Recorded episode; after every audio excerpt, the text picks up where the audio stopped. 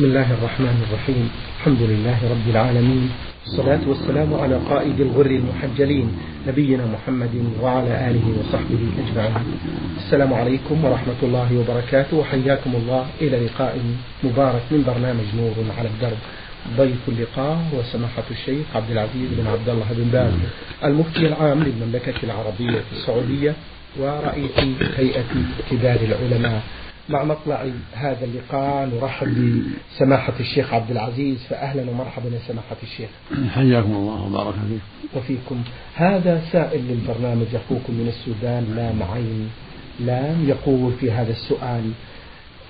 سماحة الشيخ الإيمان بالأسماء والصفات من أهم شروط اكتمال العقيدة الصحيحة ومنها الاستواء على العرش. ولكن نجد في بعض البلاد بأنهم يقولون بأن الله في كل مكان بماذا تنصحونهم؟ وإن ماتوا على هذا هل هم خارج الملة؟ أفتونا بالتفصيل. جزاكم الله خيرا.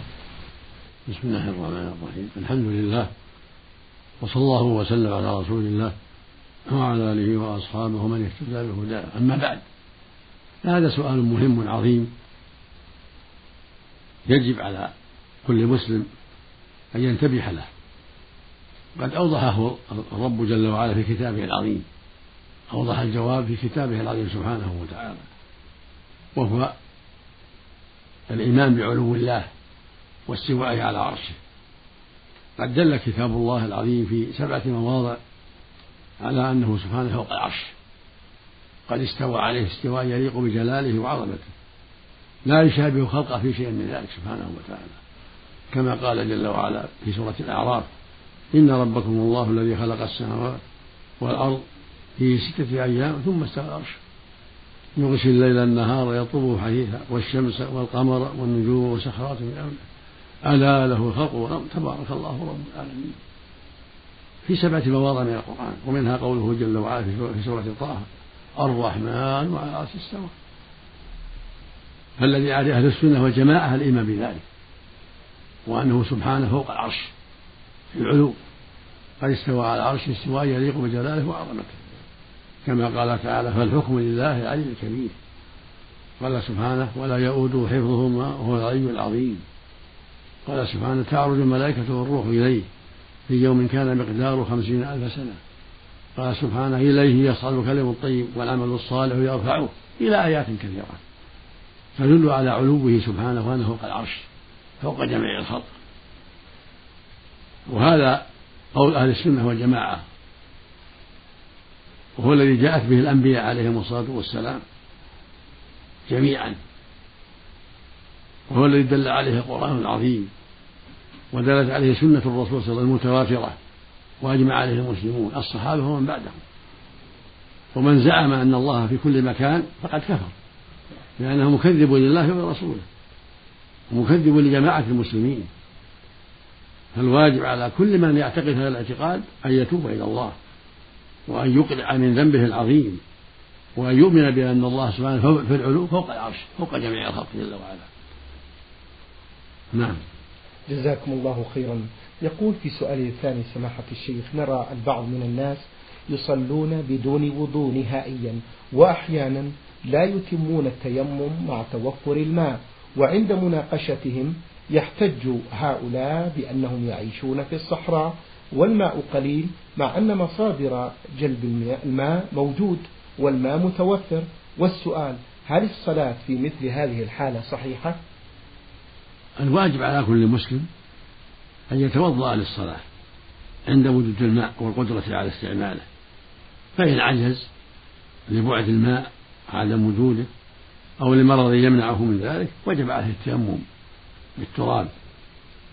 يضرب الأرض بيديه ويمسح وجهه وكفيه. هذا هو الواجب. فمن صلى بدون وضوء ولا تيمم صلاته باطلة. لا بد من أحد الأمر. الوضوء عند القدرة وعند وجود الماء والقدرة على استعماله. وإذا كان قريبا أمكن نقله. يذهب ويتوضأ أو ينقل الماء في سيارته أو في دابته. يشرب ويتوضأ. أما من عجز عن الماء لمرض يضره الماء أو لعدم وجود الماء ليس معه, ليس معه إلا ماء قليل لحاجته لأكله وشربه فإنه يتيمم. والحمد لله. لأن الله يقول فلم تجدوا ماء فتيمموا صعيدا طيبا. ويقول النبي صلى الله عليه وسلم الصعيد وضوء المسلم وإن لم يجد الماء عشر سنين. فيه من الأرض له فيها؟ يضرب التراب بيديه ويمسح وجهه وكفيه. هذا هو الواجب على كل مسلم. ومن عجز عن التيمم وعن الماء فهو معذور. لو كان إنسانا مربوط في سارية أو عمود ولا يستطيع لا يتيمم ولا يتوضأ صلى على حسب حاله. أو مريض لا يستطيع التحرك وليس عنده من يوضئه ولا من ييممه صلى على حسب حاله. فاتقوا الله ما لا يكلف الله نفسا إلا وسعها. نعم. جزاكم الله خيرا. في سؤال السائل آه، ألف لام عين يقول يغيب البعض من العمال عن زوجاتهم سنين عديدة من أجل البحث عن لقمة العيش. ما رأي الشرع في نظركم سماحة الشيخ في غياب الرجل عن زوجته هذه السنين؟ وهل هو يأثم؟ إذا أضطر إلى ذلك لا حرج عليه. إذا أضطر إلى ذلك لطلب الرزق فلا حرج عليه في ذلك. وإن تيسر نقلها معه نقلها معه. وإن تيسر أن يرجع إليها بعد ستة أشهر ثم يرجع هذا حسن. كما جاء عن عمر رضي الله عنه أنه وقت للمسافرين عن أزواجهم ستة أشهر في فإذا تيسر هذا هو أحوط وأحسن. وإلا فلا لأن الإنسان قد يضطر إلى العمل ولا يتيسر له الرجوع كل ستة أشهر أو أقل.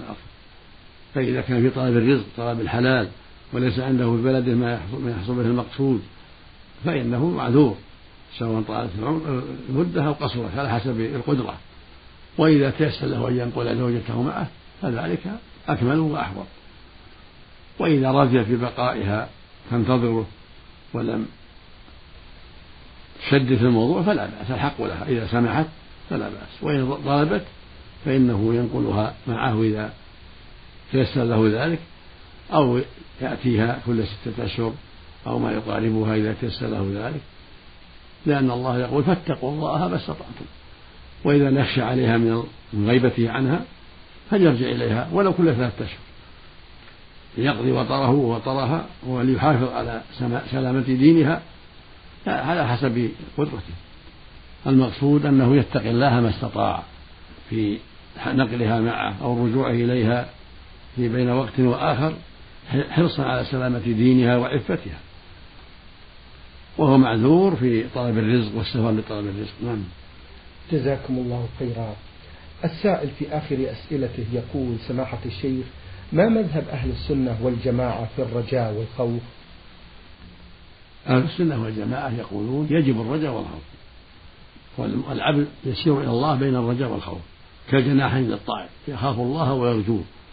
يصلي ويصوم ويتصدق ويحج ويجاهد وهو مع ذلك يخاف الله ويرجوه كما قال تعالى عن الرسل وأتباعهم يقول سبحانه إنهم كانوا يسارعون في الخيرات ويدعون رغبا ورهبا رغبا رجاء ورهبا خوفا وكانوا لنا خاشعين. وقال سبحانه أولئك الذين يدعون يبتغون إلى ربهم وسيلة أيهم أقرب؟ ويرجون رحمته ويخافون عذابه. فالمؤمن يرجو رحمة ربه ويخاف عذابه. يتقيه دائما. فلا يقنط ولا يأمن. قال تعالى إنه لا يأس من روح الله إلا قوم كافرون فلا تقنطوا من رحمة الله. قال عز وجل أفأمنوا مكر الله؟ فلا يأمن مكر الله إلا القوم الخاسرون. فالواجب الخوف والرجاء. لا أمن ولا قنوط. يرجو ربه ولا ييأس ولا يقلق. ولكن يخاف لا يأمن أيضا. يخاف عقوبته يخاف الذنوب وشرها. هكذا المؤمن. وهذا قول أهل السنة والجماعة قاطبة. يجب على المؤمن أن يسير إلى الله بين الخوف والرجاء حتى يلقى ربه. قال بعض أهل العلم ينبغي له يغلب الرجاء في حال المرض والخوف في حال الصحة حتى ينشط في العمل الصالح وحتى يحذر محارم الله. ولكن المعتمد في هذا أن يسير إلى الله بين الخوف والرجاء دائما دائما. نعم. جزاكم الله خيرا. السائل سعيد محمد آه، مصري يقول في هذا السؤال يوجد عندنا في القرية إذا تزوج الشاب بفتاة أو شرع في الزواج منها فيخير بين أمرين وهما أولا أن يدفع لوالد العروس مهرا وفي هذه الحالة يقوم والد العروس بتجهيز المنزل المعد للزواج. ثانيا أن يقوم الشاب بتجهيز المنزل وفي هذه الحالة لا يدفع لوالد العروس شيئا من المال علما بأن الزوج هو الذي يقوم ببناء البيت. فأيهما أفضل يا سماحة الشيخ من جهة الشرع؟ هل هو دفع المهر أم تجهيز المنزل؟ الأمر في هذا واسع والحمد لله. الله يقول أن تبتغوا بأموالكم. فإذا تراضى الزوج والمرأة وأبوها على شيء تجهيز المنزل أو تسليم نقود أو نقود وتجهيز أو غير ذلك فلا بأس الأمر إليهم المهم أن يبذل مالا يتراضون ترضى به المرأة ولا بأس سواء قليل أو كثير. النبي صلى الله عليه وسلم قال لرجل التمس ولو خاتم من حديد. والله يقول أن تبتغوا بأموالكم والمال يعم القليل والكثير. فإذا تراضوا على شيء من تجهيز منزل أو تسليم نقود أو نقود تجهيز أو غير هذا من وجوه المصالحة بينهما فالأمر واسع في هذا والحمد لله. الحمد لله جزاكم الله خيرا. السائل إبراهيم بن عبد العزيز أبو حامد آه، يقول الحقيقة له مجموعة من الأسئلة والأخ إبراهيم متواصل مع البرنامج يقول في هذا السؤال سماحة الشيخ في حالة خسوف القمر بعد صلاة الفجر وشوهد هل تصلى صلاة الخسوف في هذا الوقت أم لا؟ وكذلك بعد صلاة العصر وجهونا يا سماحة الشيخ. نعم إذا خسفت الشمس بعد العصر شرع شرعت الصلاة والذكر والدعاء والصدقة والتكبير. لأن الرسول صلى الله عليه وسلم قال إذا رأيتم ذلك قال إن الشمس والقمر آيتان من آيات الله. لا ينكسفان لموت أحد ولا لحياته. فإذا رأيتم ذلك فصلوا وادعوا حتى يخشى ما بكم. وفي الحديث الآخر يقول صلى الله عليه وسلم فإذا رأيتم ذلك فافزعوا إلى ذكر الله ودعائه واستغفاره. وثبت عنه صلى الله عليه وسلم أنه لما رأى الشهدوء أمر بالصدقة والتكبير والعتق. هذا هو السنة ولو ولو بعد العصر على الصحيح. وقال بعض أهل العلم أنها لا يصلى لها بعد العصر لأنه وقت نهي. والصواب أنه يصلى لها لأن صلاة الكسوف من ذوات الأسباب. وذوات الأسباب تفعل ولو ولو في وقت النهي. مثل صلاة الطواف إذا طاف بعد العصر مثل تحية المسجد إذا دخل المسجد يصلي المغرب دخل قبل المغرب يصلي ركعتين التحية. مثل الوضوء لو توضأ بعد العصر يصلي ركعتين. هذا هو الصواب. ذوات الأسباب لا بأس بها في وقت النهي. وصلاة الكسوف من ذوات الأسباب. هذا هو الصواب والراجح من قولي العلماء. وقد كتبنا في هذا كتابة تنشر لعلها نشرت أو تنشر غدا أو بعد غد. وهكذا إذا كسب القمر في آخر الليل أو في أول النهار يصلى لكسوفه أفضل ومن ترك فلا حرج لأن وقته قد ذهب قد ذهب سلطانه بعد الفجر ولم يبقى إلا الشيء اليسير من سلطانه فمن صلى فهو أفضل ويخفف حتى يصلي الفجر بعد ذلك في وقتها. ومن لم يصلي فلا حرج لأن القمر إذا طلع الفجر ذهب سلطانه ولم يبقى منه إلا اليسير. فمن صلى بعد صلاة الفجر بعد طلوع الفجر له لعموم الأحاديث فلا بأس وهو أفضل. ومن ترك ذلك فلا حرج وإن صلى فليخفف يبدأ بصلاة الكسوف قبل الفجر ثم يصلي صلاة الفجر في وقتها قبل الشمس. وقد كتبنا في هذا كما تقدم وهو ينشر إن شاء الله نعم أو أو قد نشر. وكذلك بعد صلاة العصر سمحت الشيخ؟ تقدم بعد صلاة العصر كسوف الشمس. نعم. نعم. صلي لها تقدم. طيب نعم آه، ما هو واجب إمام المسجد في حيه وتجاه جماعته في المسجد يا شيخ؟ نعم ما هو واجب إمام المسجد في حيه وتجاه جماعته في المسجد؟ الواجب عليه تفقدهم وملاحظتهم ونصيحتهم وألا يشق عليهم بالتأخير ولا بالتوكيل يكون تكون صلاته وسط صلاته وسط حسب التوجيهات التي إليه من المسؤولين عن الصلاة يصلي حسب التوجيه يحذر من التأخير الذي يضرهم أو التقديم الذي يضرهم يكون مراعيا للأوقات التي حددت له. والتقدم يسير أو التأخر خمس دقائق أو كذا لا يضر. المهم أنه لا يتأخر شيء يضرهم أو يتقدم شيء يخالف التعليم بل يكون متحرر التعليم وإذا تأخر قليلا عن التعليمات خمس دقائق أو نحو كل هذا لا حرج فيه. يراعي المصلحة في ذلك. جزاكم الله خيرا. السائل شعبان صبحي من جمهورية مصر العربية ومقيم بالقريات يستفسر عن الآيتين الكريمتين في سورة البروج وشاهد ومشهود. من هو الشاهد ومن هو المشهود في هذه الآية؟ للعلماء في هذا كلام كثير وأحسن ما قيل فيه إن الشاهد يوم الجمعة والمشهود يوم عرفة. يوم الجمعة شاهد ومشهود يوم الجمعة يشهده الناس يوم الحجاج وقيل غير ذلك لكن هذا أحسن ما قيل. والسماء ذات الورود واليوم الموعود يوم القيامة وشاهد يوم الجمعة ومشهود يوم عرفة. هذا أحسن ما قيل في ذلك. نعم. الآية الثانية سماحة الشيخ آه، قتل أصحاب الأخدود. يقول من هم أصحاب الأخدود؟ جماعة من أهل من الكفرة والظلمة. عذبوا المؤمنين بأن أخدوا لهم أخاديد وجعلوا فيها النيران نسأل الله العافية. الله جل وعلا لمهم قالوا لعن أصحاب الأخدود.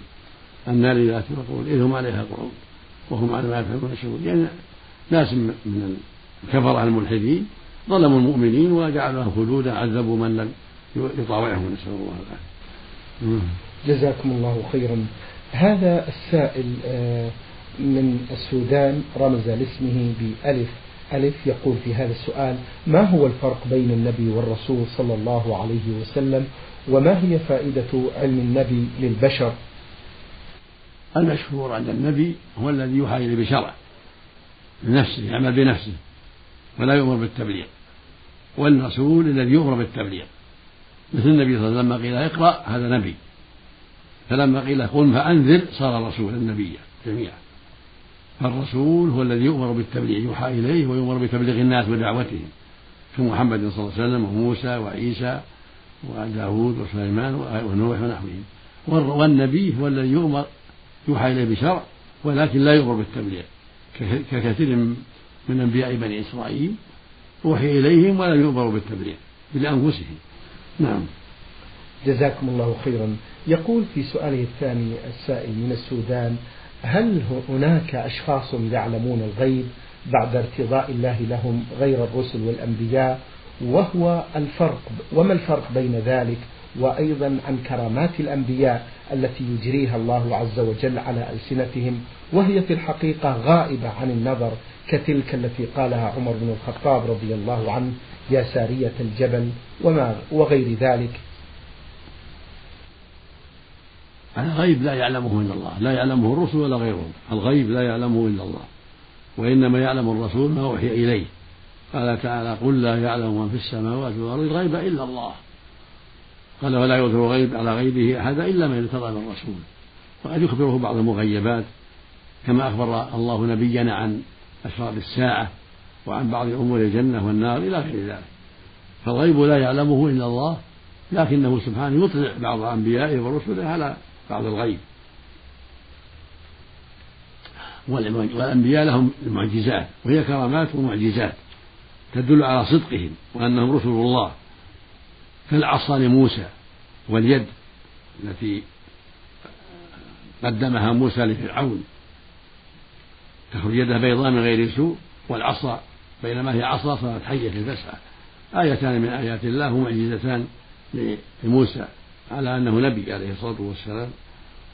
ومن ذلك ما وقع لنبينا عليه الصلاة والسلام من نبوع الماء من بين أصابعه. ينبع الماء من بين أصابعه. يراه الناس في الإناء ويشربون ويأخذون في في أوعيتهم. ومنها أنه صلى الله عليه وسلم لما قدم تبوك وكانت العين تبض والبضا قليلا فتوضأ وصب الماء فيها حتى جاست بالماء. وكان هكذا يوم الحديبية لما شق عليهم عدم الماء ألقى سهمه في البئر حتى جاءت بالماء عليه الصلاة والسلام. كل هذه من معجزات الأنبياء عليهم الصلاة والسلام. وال وال والأولياء لهم كرامات الصالحون لهم كرامات أتباع الأنبياء عليهم الصلاة والسلام. لهم كرامات يكرمهم الله بتخرق العادة لكنها ليست معجزة إنما هي كرامة للولي الذي هو من الصالحين وليس نبيا. كما جرى لعباد بن بشر وهو سيد بن حضير في حياة النبي صلى الله عليه وسلم لما سريا من النبي في آخر الليل قام من عنده صلى الله عليه وسلم بعدما سمر عنده خرج إلى بيوتهما في ليلة مظلمة فأضاءت لهما أسواطهما كالسراج كل واحد سوط سراجا له. هذه من آيات الله ومن كرامات أوليائه. وهكذا الطفيل السدوسي لما طلب من النبي آية يدعو بها قومه فعل الله يعطيه آية. فصار نور له في جبهته في وجهه. فقال يا ربي في غير وجهي فجعله الله في سوطه إذا رفعه استنار. فدعا قومه فأسلموا. نعم. جزاكم الله خيرا سماحة الشيخ. هذه أختكم في الله حاميم حا كتبت مجموعة من الأسئلة بأسلوبها الخاص. تقول سماحة الشيخ امرأة متزوجة برجل لا يوفر لها ولا لأولادها أبسط أسباب المعيشة فهو يعمل يوما ويستريح أسبوع وأصبح الأولاد كأنهم أيتام يتصدق عليهم الجيران ومن يرى آه، من حالتهم آه، يعطف عليهم ويقدم لهم الصدقة. تقول هي تنصحه وتطالبه بسد حاجات البيت والأولاد ولكن لا حياة لمن تلادي فأصبحت هي وهو في شجار دائم. فتذكر أيضا سماحة الشيخ بأنها تقول بأنني لا أقوم بخدمته. هل أأثم في ذلك؟ وهل أسأل عن تعاملي معه أمام الله عز وجل؟ أيها السائلة أنت بالخيار إن صبرت فلا بأس. وإن لم تصبري فارفعي الأمر بالمحكمة لكن أن تطالبي أن تطلبي الطلاق لأنه لا يقوم بالواجب. وإن صبرت وتعاونت معه فلا بأس عليك. ولا يلزمك طاعته فيما لا يشق ما لا تستطيعين كأوقات طلب الرزق طلب طلب الرزق لأولادك. وأما في الأوقات التي تستطيعين فاستجيبي له في حاجاته. وإذا طلبك في وقت لا تستطيعين إجابته فأنت معذورة. والله يقول فاتقوا الله ما استطعتم فعليك طاقته فعليك طاعته فيما تستطيعين. ولا حرج عليك في ما لا تستطيعين كوقت طلب الرزق لأولادك ولنفسك لأنه لا يقوم بالنفقة. والأوقات الأخرى التي يمنعك مرض أو عذر شرعي كالحيض أو ما أشبه ذلك. المقصود عليك طاعته حسب الطاقة فيما أباح الله وشرع الله. ولكن طلب الفرقة وطلب الطلاق عند المحكمة لأنه لم يقوم بالواجب. جزاكم الله خيرا. تقول السائلة عندما أصلي لا أشعر بالإطمئنان إلا إذا أغمضت من عيني ولا أفكر في أشياء دنيوية ورغم ذلك فأنا أستعيذ بالله من بداية صلاتي ولكنني رغم ذلك أفكر وأشعر بالحزن لذلك. ما رأيكم في إغماض العينين؟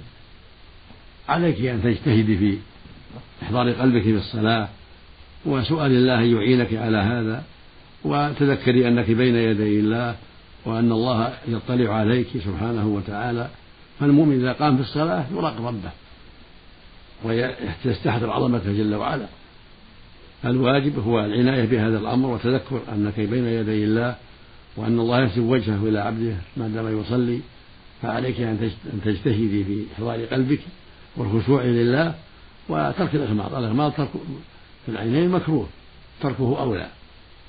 ويذكر ويذكر بعض أهل العلم أنه من فعل اليهود فالأولى ترك ذلك. ولكن ضعي البصر في موضع السجود انظري موضع السجود واخشعي لله واذكري عظمته وأنك بين يديه واجتهدي في ذلك وأبشر بالخير. جزاكم الله خيرا سماحة الشيخ. السائل يقول في هذا السؤال هل الصلاة وراء من اعتقد في التمائم التي تكتب من القرآن وتعلم هل تجوز الصلاة خلف مثل هؤلاء جزاكم الله خيرا؟ الصلاة خلفهم صحيحة لأنها مسألة خلافية. التمائم التي من القرآن بعض أهل العلم يجيزها. والصواب أنها لا تجوز لأنها وسيلة لتعليق التمائم الأخرى. ولأن الأحاديث عامة في النهي عن التمائم مثل قول صلى الله عليه وسلم من تعلق تميم فلا أتم الله له هذا عام فينبغي ترك التمائم كلها من القرآن وغير القرآن. فلا يعلق تميمة على ولده ولا على بنته ولا على دابته لا من القرآن ولا من غير القرآن. بل يتوكل على الله يسأله العافية والشفاء ويترك تعليق التمائم سواء كان من حديد أو من حلق أو من آيات قرآنية أو من أحاديث أو من غير ذلك. هذه عامة. الرسول يقول من من تعلق تميم فلا أتم الله له من تعلق ركعتين فقد أشرك. لكن الصلاة خلفه صحيحة. لأن المسألة خلافية بين أهل العلم. والذي ننصح به الإمام أن يدع هذا الأمر. نعم. جزاكم الله خيرا. سماحة الشيخ الصلاة خلف المبتدع ما حكمها؟ الصلاة فيها تفصيل. خلف المبتدع. إذا كان مبتدع ابتدع بدعة تكفر. كالجهمي هذا لا يصلى خلفه. والمعتزلي في صفات الله والخوارج لا يصلى خلفهم. أما إذا بدعة خفيفة مثال نويت أن أصلي. أو عنده من بدعة أخرى غير هذا من البدع الخفيفة التي لا تفضي إلى الشرك الأمر في هذا سهل. يصلى خلفه ولكن إذا تيسر إزالته والتماس إمام من أهل السنة فهذا هو الواجب.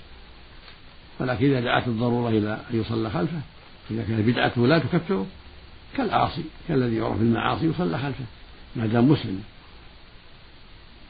نعم. السائل من السودان استعرضنا بعضا من أسئلته. بقي له هذا السؤال يقول سماحة الشيخ إذا كان الناس بقرية يغلب عليهم الجهل بالدين هل يجوز أن يتخذوا مصلى آخر؟ يقول إذا كان الناس بقرية ويغلب عليهم الجهل بالدين هل يجوز لهم أن يتخذوا مصلى آخر خلاف مسجد القرية؟ وإذا كانت مداومة الصلاة فيه تؤدي إلى الفتنة عند مناصحتهم ما حكم ذلك؟ الواجب على أهل القرية أن يصلوا جميعا في مسجد واحد وأن يتعاونوا بالبر والتقوى. لأن صلاته في المسجد يعينهم على الخير والتعارف والتواصي بالحق والنصيحة ولا يريد نصيحتهم يتيسر له ينصحهم جميعا. أما إذا كانت القرية كبيرة تباعدها أطرافها وجعلوا مسجدين للتباعد فلا بأس. لا يكلف الله نفسا إلا إذا كان في مشقة يجعل في جانبها الأيمن مسجد والآخر المسجد أو في شرقها مسجد وغربها مسجد إذا كان إذا كانت متباعدة يشق عليهم أن يجتمع مسجد واحد فلا حرج. والواجب عليهم التعاون بالبر والتقوى والتواصي والتناصر والحذر من أسباب الشحنة. الله المستعان. الله المستعان.